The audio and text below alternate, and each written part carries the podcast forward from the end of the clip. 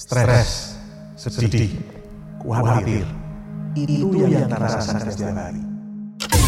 Hai, hai Prajut. Selamat selamat datang di Rajut. Fear of the unknown. Ketakutan akan sesuatu yang belum kita kenal. Ini yang sedang kita hadapi.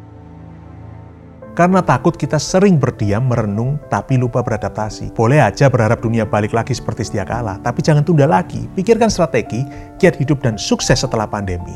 Inti perubahan yang kita hadapi sebenarnya bisa dirangkum menjadi beberapa poin dasar.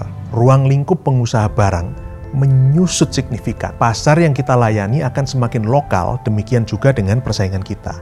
Sedangkan ruang lingkup pengusaha jasa membesar seketika, sehingga mulai ada peluang melayani pasar global yang tentunya diiringi dengan persaingan yang internasional. Pasar berpindah fokus dari barang yang good to have menjadi barang-barang yang must have. Di saat pasar fokus membeli hal-hal yang esensial, pasar akan semakin teliti dalam menentukan pilihannya berdasarkan kredibilitas dan kepercayaan terhadap penyedia barang dan jasa tersebut.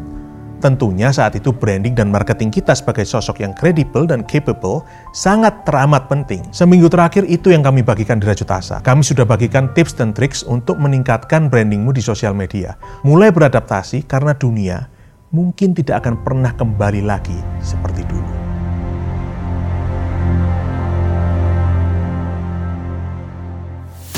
Bersama-sama Nathan